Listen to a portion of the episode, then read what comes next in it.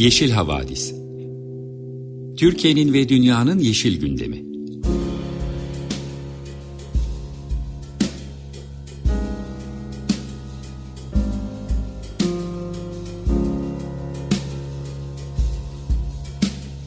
Hazırlayan ve sunanlar Selin Uğurtaş ve Arca Yılmaz.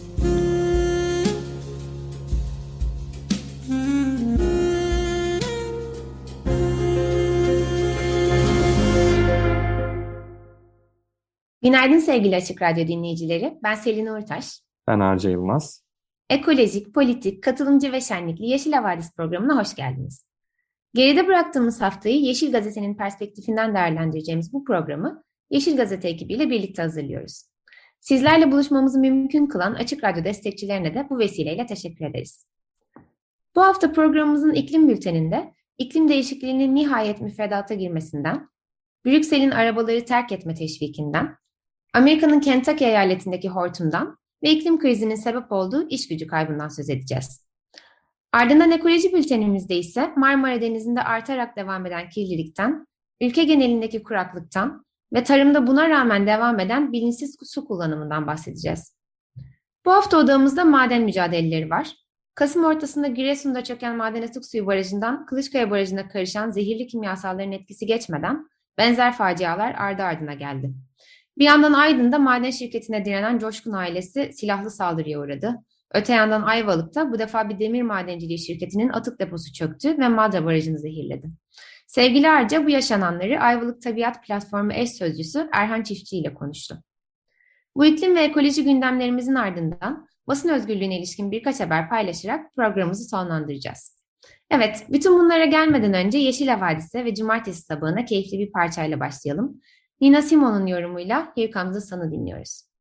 Merhaba sevgili Açık Radyo dinleyicileri. Ben Arca Yılmaz, Yeşil Hava Hadisesi'niz. Şimdi iklim haberleriyle bültenimize başlıyoruz.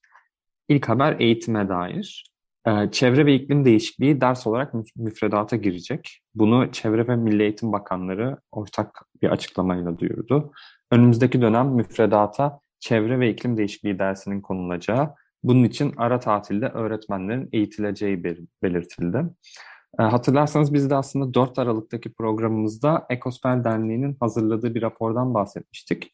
Dernek ilkokul ve ortaokulda iklim krizinin ders kitaplarında çok az yer aldığını tespit etmişti. Hmm, lisede durum biraz daha iyi olsa da kitaplarda hataların olduğu vurgulanmıştı. Şimdi göreceğiz tabii. Çevre ve iklim değişikliği ders olarak müfredata girerken iki haftalık tatilde tüm öğretmenlere iklim değişikliği, çevre bilinci ve sıfır atık konularında bilgilendirme yapılacakmış. Herhalde e, detaylı detayları yeni dönemde öğreneceğiz. Bu ders zorunlu mu olacak? İki haftalık bilgilendirmeyle öğretmenler bir ders vermeye hazır, hazır hale gelebilecekler mi? E, bunlar önemli sorular.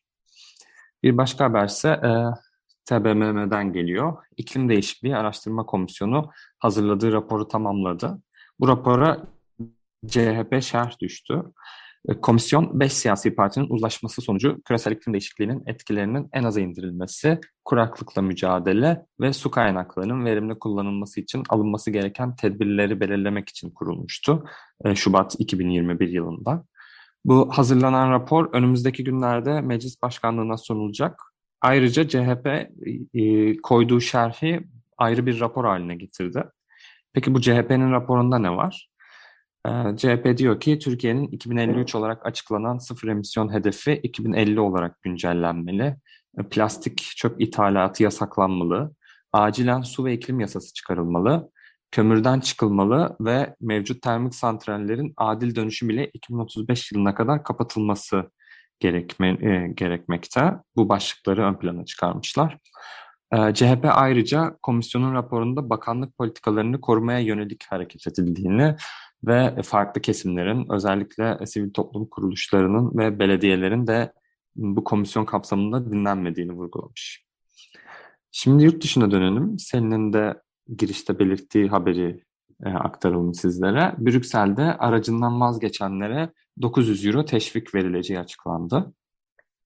Brüksel başkent bölgesinin sürdürülebilir ulaşımı desteklemek ve şehrin hava kalitesini yükseltmek amacıyla başlattığı bir girişim var. Bu kapsamda kente ikamet eden ve 2021 Nisan ayı sonrasında özel otomobillerinin plakasını iptal ettirenler mali destek alabilecek.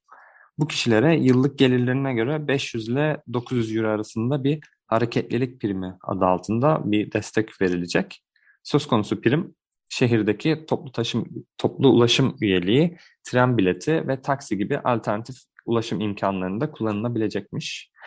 E, tabii kentlerin karbonsuzlaşması için önemli bir adım olarak değerlendirebiliriz. Özellikle bireysel arabaların trafikten çekilmesi adına. Şimdi bir de Amerika'dan bir haber var. ABD'yi bu mevsimde pek sık rastlanmayan hortumlar vurdu. En az 80 kişinin hayatını kaybettiği ve 109 kişinin de kaybolduğu felakette binlerce aile e, evsiz kaldı. E, ayrıca çok fazla konut e, elektrikten mahrum durumda şu anda. Bu sayının da artmasından korkuluyor. Newcastle Üniversitesi öğretim üyesi ve Met Office Hadley İklim Merkezi misafir araştırmacısı Doktor, Doktor Abdullah Kahraman hortumun boyutlarını ve etkisini Yeşil Gazete'ye değerlendirdi. Ee, süresi, etki alanı ve gücünden ötürü tarihe geçen hortumların tarihe geçen bir hortum olduğunu belirtti. Ve bu hortumun başka bir önemi ise yaşandığı mevsim olduğunu belirtti. Kahraman iklim değişikliğinin yönetimler tarafından bahane olarak kullanıldığını ve gerekli önlemleri almakta geciktiklerini belirtiyor. Aynı zamanda e, özellikle bu hortum ve dolu gibi hadiseleri düşününce e, yağış, kuraklık ve sıcaklık artışı gibi olgular e, modellerle daha tahmin edilebilir, daha öngörülebilirken hortum ve dolu gibi olaylar daha anlık ve e, tahmin edilmesinin daha zor olduğunu da ekledi. Bu konuda hani bilimsel bir konsensüsünde çok fazla olmadığını e, aktarmış Yeşil Gazete ekibinden. E, bu sefer kutuplardan bir haber var, Antarktika'dan kıyamet buzlu olarak adlandırılan ve yeryüzünün en geniş buzlu olan Thwaites buzulu, insan kaynaklı iklim krizinin neden olduğu sıcaklık artışından dolayı büyük bir değişikliğe uğruyor. Bilim insanları Antarktika'daki en büyük buzullardan biri olduğunu söylüyor Thwaites buzulunun ve e, bugüne kadar görece stabil olan ön bölümünün 10 yıl içinde araba ön camı gibi kırılabileceğini kaydediyor. Yaklaşık olarak Büyük Britanya adası büyüklüğünde olan buzul, e, bu, buzuldaki erime hızı son 30 yılda iki katına çıkmış durumda. E, tabii kutuplar hani en hızlı ısınan bölgelerin başında geliyor dünyada. E, Dünya Meteoroloji Örgütü 20 Haziran'da Sibirya'da ölçülen 38 derecelik sıcaklık ölçümünü de e, doğrulamış durumda. E, bu Haziran ortalamasından 18 derece daha yüksek olduğunu da belirtmişler. Şimdi bir raporu aktaralım. Hmm, Asya İklim Değişikliği Yatırımcı Fonu'nun yeni analizinde sınırlı bir etki yaratacak karbon tutma ve depolama teknolojileri yerine Çin, Hindistan gibi büyük kirleticilerin bulunduğu Asya kıtasındaki şirketlerin e, yüksek emisyonlu varlıkları ve fosil yakıtları aşamalı olarak sonlandırması gerektiğini kaydetmiş. E, kısaca e, CCS, Carbon Capture and Storage, yani karbon tutma ve yakalama olarak geçen bu teknolojilerin aslında adından da anlaşıldığı gibi havadaki karbonu yakalayıp farklı teknolojilerle sabitleme, yer altında tutma gibi amaçları var. Ancak oldukça maliyetli ve pek çok bilim insanı tarafından dikkatleri fosil yakıtlardan uzaklaştırmaya yaradığı söyleniyor. Asya İklim Değişikliği Yatırımcı Grubu CEO'su Rebecca Mikula-Wright da benzer bir yorum yapmış aslında raporun sunumunda. Bu teknolojilerin uygun koşullarda bile sınırlı bir rolü olacağını söylüyor. Mikula-Wright, Asya'daki şirketlerin ve hükümetlerin karbonsuzlaşma yolunda yüksek emisyonlu yatırımlarını ve fosil yakıtların aşamalı, fosil yakıt yatırımlarını aşamalı olarak sonlandırması gerektiğini belirtiyor. E, yatırımcılar e, bu teknolojileri sadece çelik gibi emisyon azaltımının biraz daha zor olduğu e, yoğun ama aynı zamanda yoğun emisyon da yaratan sektörlerde köprü teknolojisi görevi görmekle sınırlı olduğunu kabul etmeliler diye de eklemiş. Asya İletişim Değişikliği Yatırımcı Grubu CEO'su Rebecca Mikula-Wright. Başka bir haber, bilimsel araştırma Nature Communications'ta bu hafta yayınlanmış.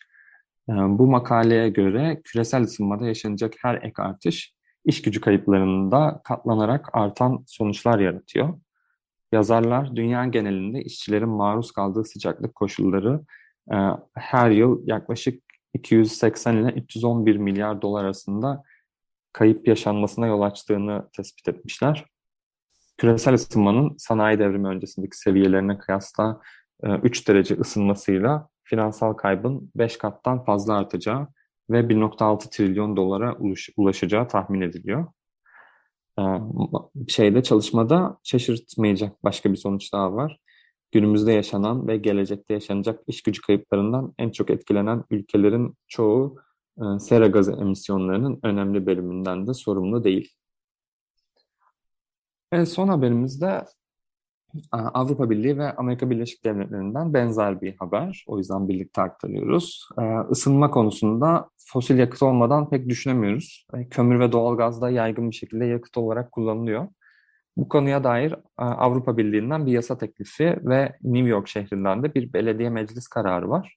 AB ülkelerinde 2027'den itibaren fosil yakıtla ısınmayı yasaklayan ve binaların sıfır emisyon salmasına yönelik bir kanun teklifi verildi. 15 ee, Aralık'ta e, binaları, binalardan kaynaklanan sera gazı emisyonlarını azaltmak için binalarda enerji performansı direktifini değiştirmek için yasa teklifi verildi. Evler, okullar, hastaneler ve ofisler e, Avrupa Birliği karbondioksit emisyonlarının %36'ından e, sorumlu ve bloğun enerji tüketiminin %40'ını oluşturuyor. Yani çok önemli bir kalem. Yasa teklifi e, enerji verimliliğini arttırmayı ve ısınma stoğunda da ısınma ve soğutmada da karbonsuzlaşmayı öngörüyor. E, Amerika'da e, New York kentinde ise 2007'den itibaren tüm binalarda başta doğal gaz olmak üzere fosil yakıt kullanımının bırakılması öngörülüyor. E, yakıt olarak yenilenebilir kaynaklar ve enerji verimliliğinin arttırılması da öngörülmüş. Evet, iklim bültenini bu haftalık sonlandırıyoruz. Kapatırken Yeşil Gazete'nin hazırladığı 1.5 podcastinin duyurusunu yapalım.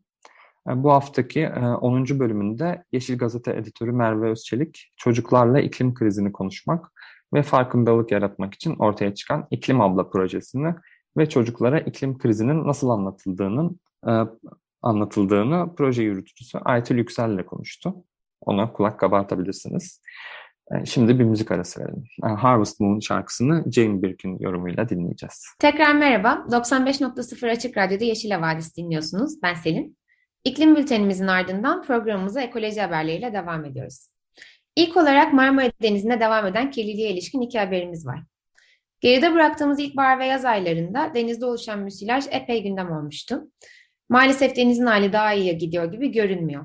Uzmanlar şimdi de deniz anası istilası konusunda uyarıda bulunuyorlar. Konuyu İstanbul Üniversitesi Su Bilimleri Fakültesi Dekanı Profesör Doktor Melek İşini Bilir Okyer değerlendirmiş. Bu artışın 5-10 yıldır devam ettiğini ama bu seneki artışın bu alıştığımız seviyenin de üzerinde olduğunu söylemiş. Marmara Denizi'nin giderek besin anlamında daha zengin, yani aslında organik kirliliğin daha fazla olduğu anlamına geliyor bu. Ee, bir denize dönüştüğünü, bunun da deniz anaları için elverişli bir ortam yarattığını söylemiş. Yapılması gerekenin denizi koruma konusunda alınan kararı ciddiyetle uygulamak olduğunu söylüyor. Ama biliyorsunuz Marmara Denizi'nin hızla kötüleşen durumu ile ilgili yöneltilen önemli bir eleştiri var. Bu da Ergene Nehri'nin kirletilen sularının Marmara'ya deşarj edilmeye başlanması.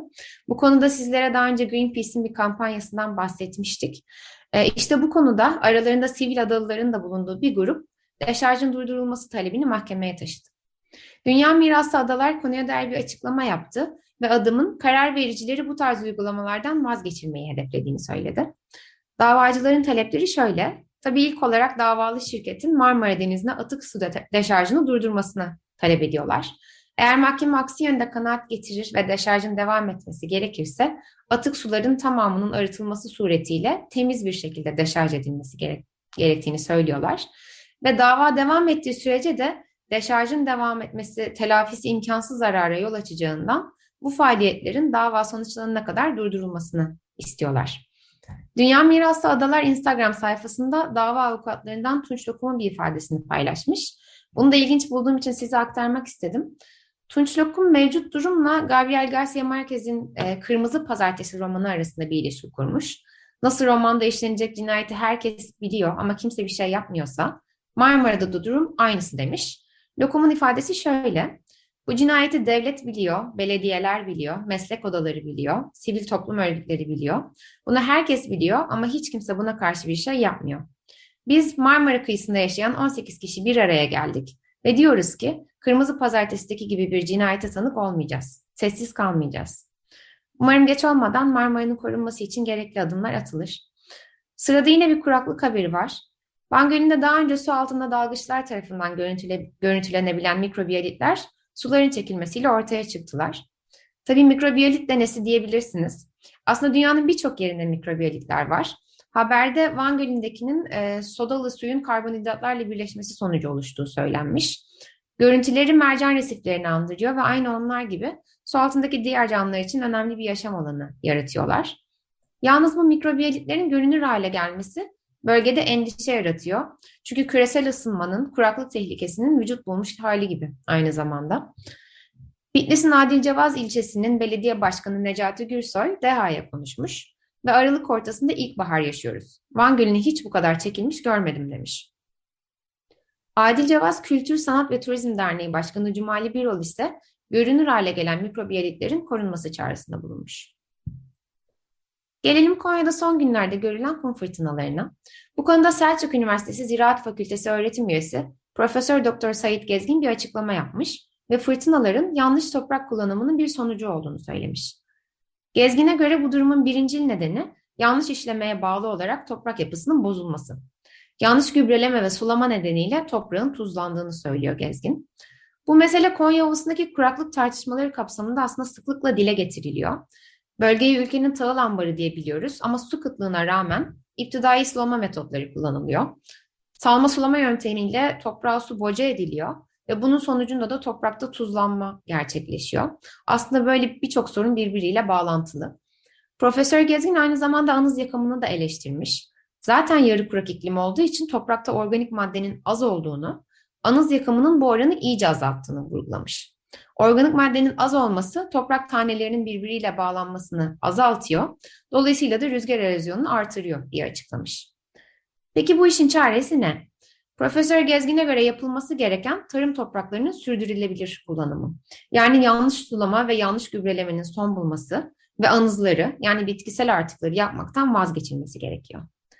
Bu sulama konusundan Alev Karakartal da Urfa yazısında bahsetmiş. Kendisini birkaç hafta önce konuk etmiş, Doğu ve Güneydoğu Anadolu izlenimleri üzerine sohbet etmiştik. Bu konuda hazırladığı yazı dizisi de Yeşil Gazete'de devam ediyor.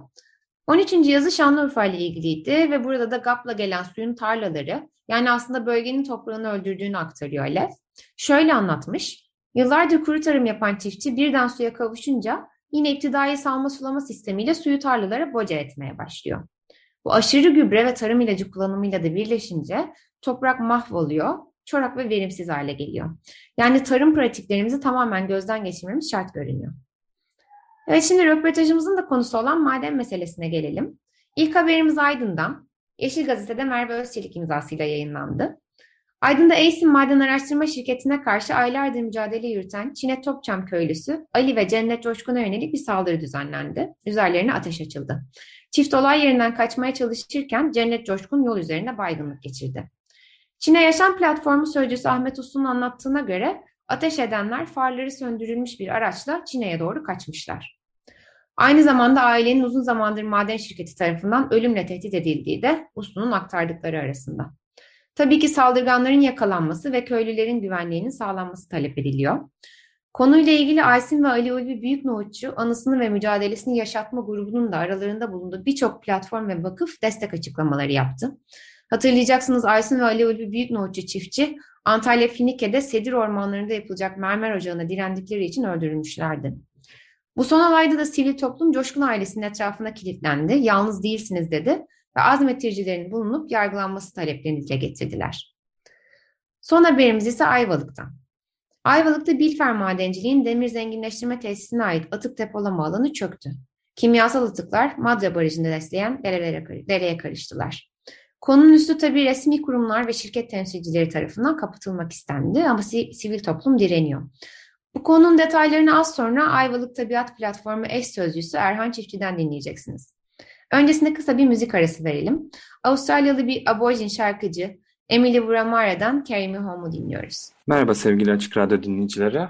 Bu hafta Yeşil Havadis programında haftanın önemli çevre haberlerinden bir tanesini ele alıyoruz. Ayvalık'taki maden atağı depolama sahasında bir çökme gerçekleşti. Geçtiğimiz haftada Giresun'daki olayda olay yaşanmıştı. Orada da bir maden sahasında bir e, kaza olmuştu. E, bu hafta da Ayvalık'tan benzer bir haber geldi. Biz de bu haberi şimdi Ayvalık Tabiat Platformu eş sözcüsü Erhan Çiftçi ile konuşacağız. E, hoş geldiniz öncelikle. Hoş bulduk, iyi yayınlar diliyorum. Teşekkürler. E, ben önce hani madene dair e, size sormak istedim. Tam olarak maden bölgesi nerede, nerede bulunuyor? Yerleşimlere, uzaklığı, e, etki alanında nereleri var? Biraz bahsedebilir misiniz? Tabii ki. E, bu maden Ayvalık'ın Karahit köyünde yer alıyor. Kaya, Karahit köyü Ayvalık'a 17 kilometre uzaklıkta bir köy. E, çevresinde farklı köyler de var tabii. Mesela 2 kilometre uzağında, 1 kilometre uzağında, 3 kilometre uzağında farklı farklı köyler de var. E, maden Karahit köyünün dibinde yani madenin atık sahaları en yakındaki eve 20-30 metre uzaklıkta. E, ve tamamen köy madenin etkisi altında. Kozak Yaylası diye tabir ettiğimiz bölgeye giderken hemen karayolunun kenarında yer alan bir maden. E, çevresel etki olarak da pek çok köyü, pek çok merayı e, ve e, su kaynaklarını etkileyen bir bölgede yer alıyor. Madenin hemen 300 metre ilerisinde çok değerli bir su kaynağı var. Madra Barajı var ve madenin dibinden geçen derelerde hemen gidip bu Madra Barajı'na dökülüyor. Bu Madra Barajı sanıyorum bölgenin de içme suyu olarak kullandığı baraj değil mi? Şöyle Madra Barajı e, yapılma amacı olarak içme ve sulama suyu olarak biliyorsunuz Ayvalık zeytinle geçinen zeytinin ön planda olduğu bir e, tarım alanı, tarım bölgesi. Ayvalık'ta sulama suyu olarak zeytinlerin sulaması amacıyla ve yüzde on biri de içme suyu olarak kullanılması için yapılmış bir baraj. E, içme suyu olarak şimdiye de kullanılmadı, ihtiyaç olmadığı için ama Ayvalık'ın nüfusu sürekli arttığı için ileride içme suyu olarak da kullanılacak. Yani hem içme hem sulama suyu olarak öngörülmüş bir baraj burası. Anlıyorum. Ve yani madenin de çok yakın olduğunu söylediniz. Tarım alanlarında da etkisi büyük. Peki e, maden e, ne madeniydi? Maden demir madeni. Aslında e, demir çıkarılıyor. Hemen zenginleştirme tesisinin biraz ilerisinden yani bir 500 metre ilerisinden demir madeni çıkarılıyor. Çıkarılan demir madeni de taşıyla toprağıyla birlikte hemen köyün dibindeki demir zenginleştirme tesisine getirilip orada e, toz haline getirilip mikro haline getirilip sonra da çeşitli sistemlerle demirinden ayrıştırılıyor saf demir elde ediliyor. Demir zenginleştirmesi yapılıyor. Tabii bu e, bir tondan birkaç gram elde edilen demirden arta kalan atıklarda, pasa diye tabir ettiğimiz atıklarda hemen bu e, alanın yani zenginleştirme tesisinin dibindeki vahşi depolama alanında depolanıyor. Yani çok vahşi bir yöntemle tamamen üzeri açık bir şekilde üst üste yığılarak tepeler oluşturularak e, depolanıyor ve asıl zaten çevre felaketi de bu depolama alanında meydana geldi. Madende ya da zenginleştirme tesisinde değil, depolama tesisinde, depolama alanında meydana geldi göçük. Ee, tam olarak olaydan bahsedebilir misiniz? Onu da biraz bir dillendirmiş olalım. Tabii olaydan bahsedelim. Şimdi gözünüzün önüne lütfen e, siyah renkli toz şeklinde tepeler getirin. Yani üzerinde hiçbir bitkinin olmadığı, hiçbir canlının yaşamadığı böyle yığıntı tepeler, maden atıkları gözünüzün önüne getirin. E, bunlar yıllardır biriktirile biriktirile yani madenden çıkan atıklar üst üste dizile yığıla yığıla tepeler haline gelmişler. E, ve e, bölgede yağmur yağıyor tabii ki yağmur doğanın bir etkisiyle ortaya çıkan bir şey. Yağmur yağıyor sürekli. Son günlerde de çok fazla yağmur yağdı Ayvalık'ta. Yağan yağmurların etkisiyle bu atıklar ağırlaşıp kayganlaşıp aniden göçük meydana geldi. Köylülerin bize bildirdiği şekliyle budur. Aynı olay aslında Ocak ayında da gerçekleşti. Bu ilk değil. Ocak ayında çevresinde hiçbir koruma, hiçbir önlem yokken bu atıklar aniden çöktüler ve dereye karıştılar. Tabii bizler tepki gösterince maden işletmecisi geçici olarak bu ıı, atıkların çevresine yaklaşık 2 metre yüksekliğinde beton bariyerler, duvarlar dizerek bunları kontrol altına almaya çalıştı. Fakat son birkaç gündür yağan yağmurların etkisiyle 12 Aralık Pazar günü de e, bu maden sahasında, atık sahasında bir göçük daha meydana geldi. Ve bu göçükle oradaki pasa dediğimiz atıklar, maden atıkları tamamen e, derenin içerisine doğru kaydılar, göçtüler yani. Betonlarda, bariyerlerde hep beraber aktı e, derenin içerisine doğru. O bölgede e, yığıntılar kaydılar yani.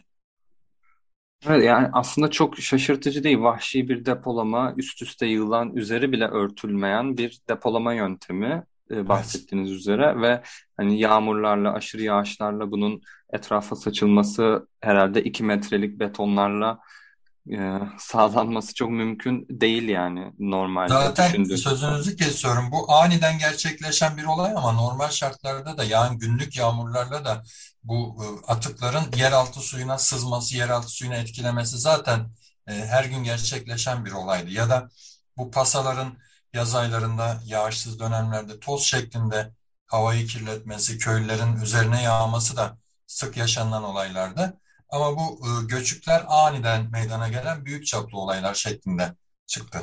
Evet, bir de yani düzenli bir etki de var dediğiniz gibi olumsuz etki.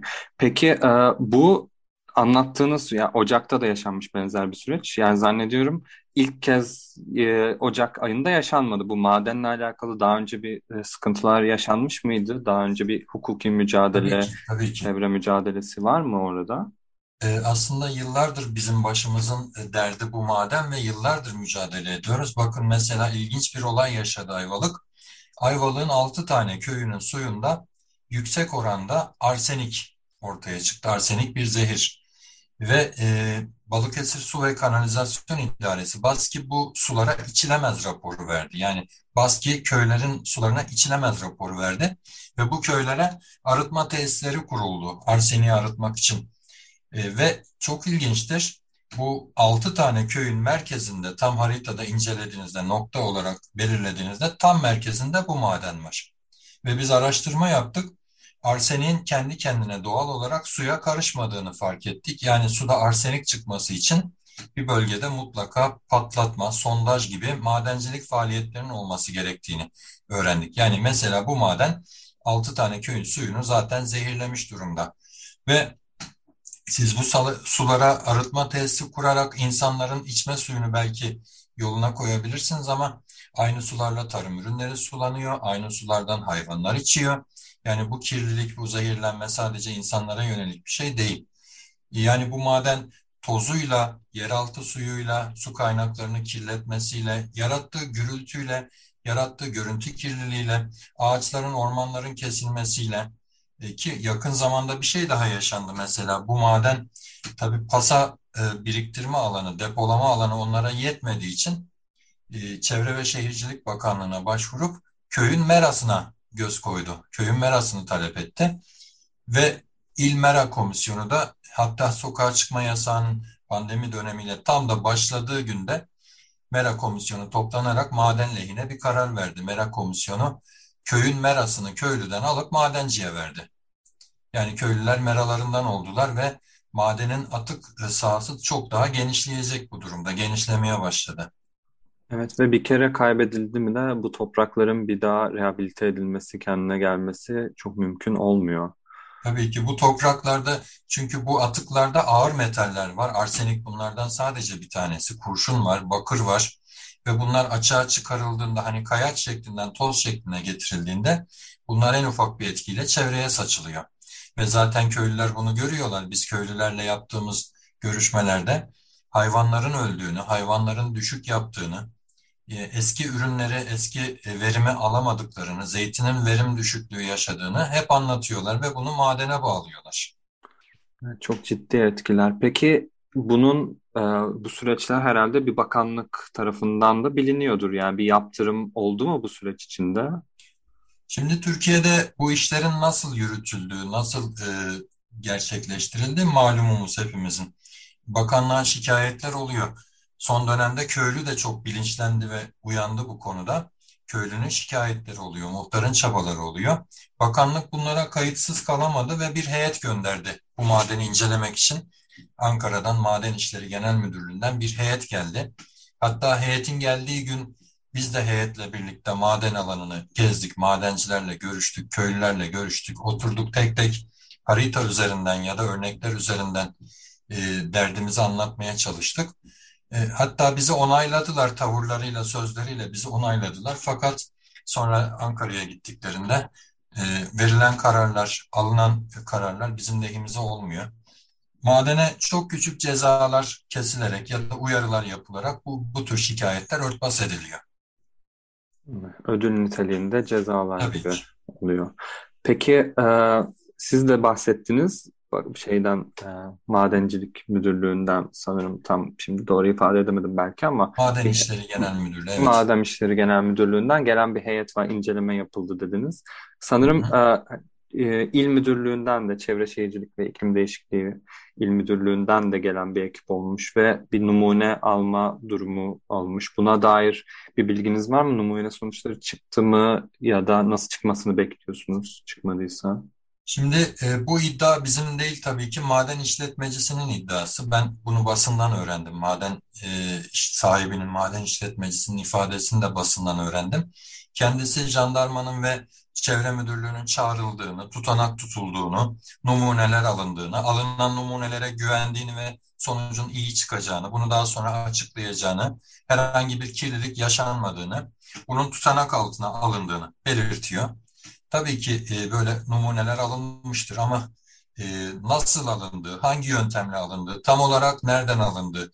Biz de numuneler aldık. Ayvalık Belediyesi de numuneler aldı. Bunların hiçbirisinin sonucu henüz açıklanmadı. Öyle bir iki günde açıklanan sonuçlar değil bunlar. E, bunların hepsi açıklanacak. Ama ben çok sağlıklı, çok tutarlı e, numuneler olduğunu ya da sonuçlar çıkacağını beklemiyorum açıkçası. Yani bu konularda, maden konusunda maalesef e, biraz madenciyi cesaret, cesaretlendirecek ve köylünün yanında olmayan, halkın yanında olmayan kararlar veriliyor. Daha önce de bunlar oldu. Mesela bu madene ÇED muafiyeti verildi. ÇED gerekli değildir kararı verildi. Şirket sürekli korundu, kollandı. Yetersiz bilirkişi raporlarıyla sonuçlar alınmaya çalıştı. Bizim e, çünkü davalarımız da var.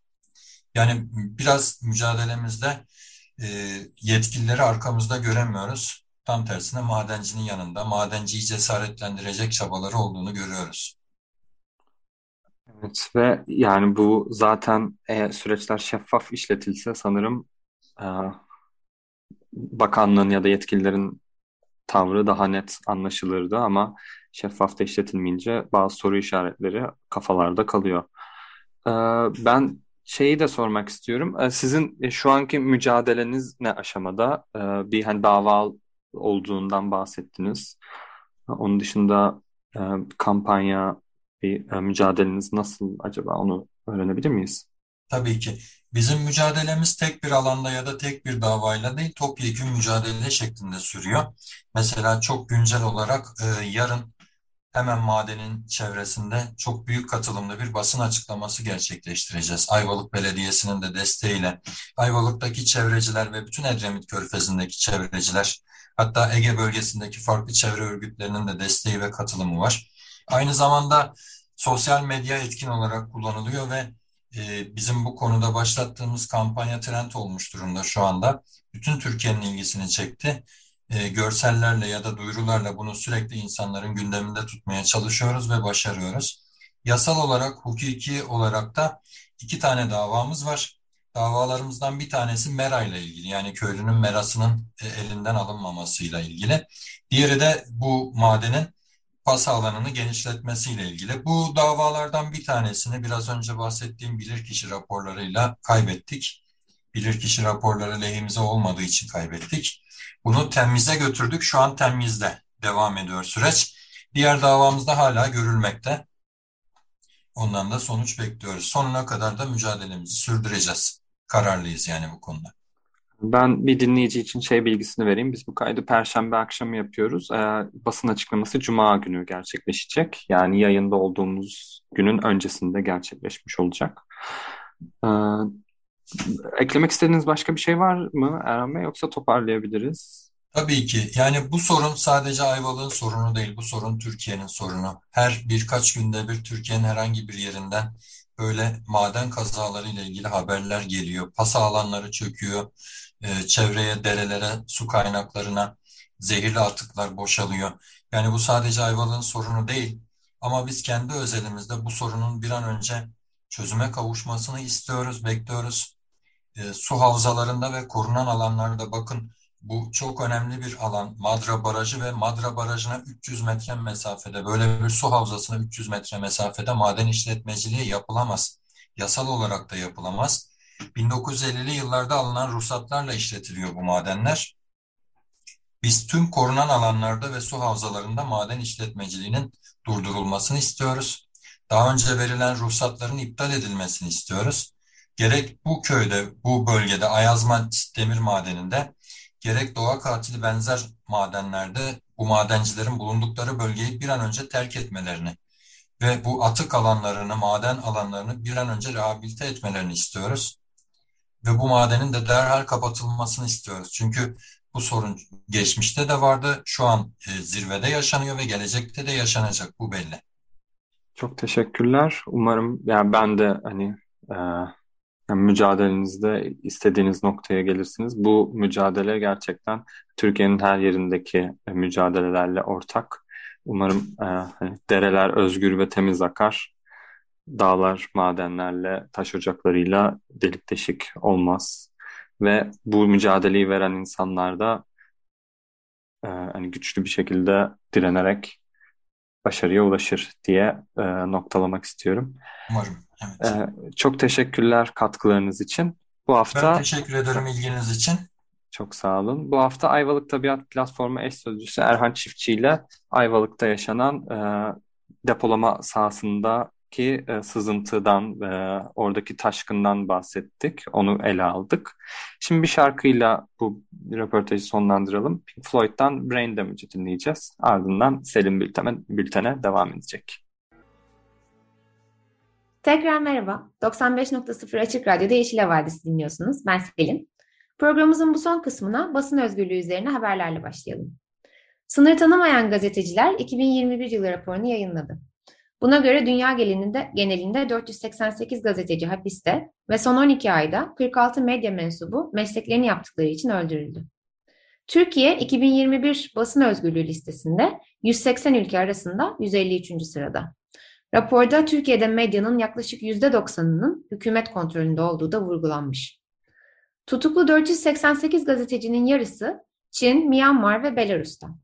Ancak gazeteciler için en tehlikeli ülkeler Meksika ve Afganistan. Rapora göre bu yıl Meksika'da 7, Afganistan'da ise 6 gazeteci öldürüldü. Basın ve ifade özgürlüğü ile ilgili iki haberimiz daha var. 3 sene önce RTÜK'ün sorumluluk alanı interneti kapsayacak şekilde genişletilmek istendiğinde hukukçular ve gazeteciler uyarılarda bulunmuşlardı. Şu anda da sonuçlarını yaşıyoruz. Rütük, Eksen'de yayınlanan Konuşanlar programının bir bölümünü ve Netflix'teki Ortaya Karışık İlişkiler filmini yayından kaldırdı. Bu yasanın çıkacağı dönem Rütük'ün o zamanki CHP'li üyesi Faruk Bildirici bir açıklama yapmıştı. Ve Netflix gibi insanların abone olarak izledikleri platformlara müdahale etmenin özel hayata müdahale niteliği taşıdığını söylemişti. Sonuçta bunlar televizyonu açınca karşınıza çıkıveren yayınlar değil, ücret karşılığında izlemeyi seçtiğiniz yayınlar. Bu uyarının ne kadar yerinde olduğu da zamanla iyice görünür hale geldi. Bu hafta aynı zamanda sokak röportajı yayınlayan 3 YouTuber ve bir kameraman da gözaltına alındılar. Sebep yaptıkları röportajlarda kullanılan ifadeler. Nihayetinde kendilerine ev hapsi cezası verildi ve yurt dışına çıkış yasağı getirildi. Son olarak bir anmayla bitirelim. Ee, benim için çok özel biri. Başıcı kitaplarımdan Herkes için Feminizmin yazarı Bell Hooks 69 yaşında hayata veda etti. Bunun onun çalışmalarıyla hatırlamak için bir vesile olmasını diliyorum. Ee, şimdi son bir müzik arası vereceğiz. Pom'dan Söki Rev şarkısını dinliyoruz. Ardından sizlere veda edeceğiz. Bu güzel parçanın ardından 95.0 Açık Radyo'da Yeşil Gazete'nin katkılarıyla hazırladığımız Yeşil Havadis programının sonuna geliyoruz. Bizi dinlediğiniz için teşekkür ederiz. Haftaya yine aynı saatte görüşmek üzere. Hoşçakalın. Hoşçakalın.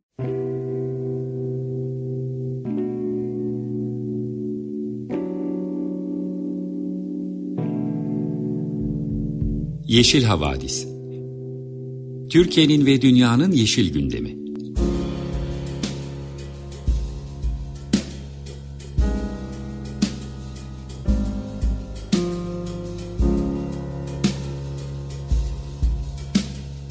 Hazırlayan ve sunanlar Selin Uğurtaş ve Arca Yılmaz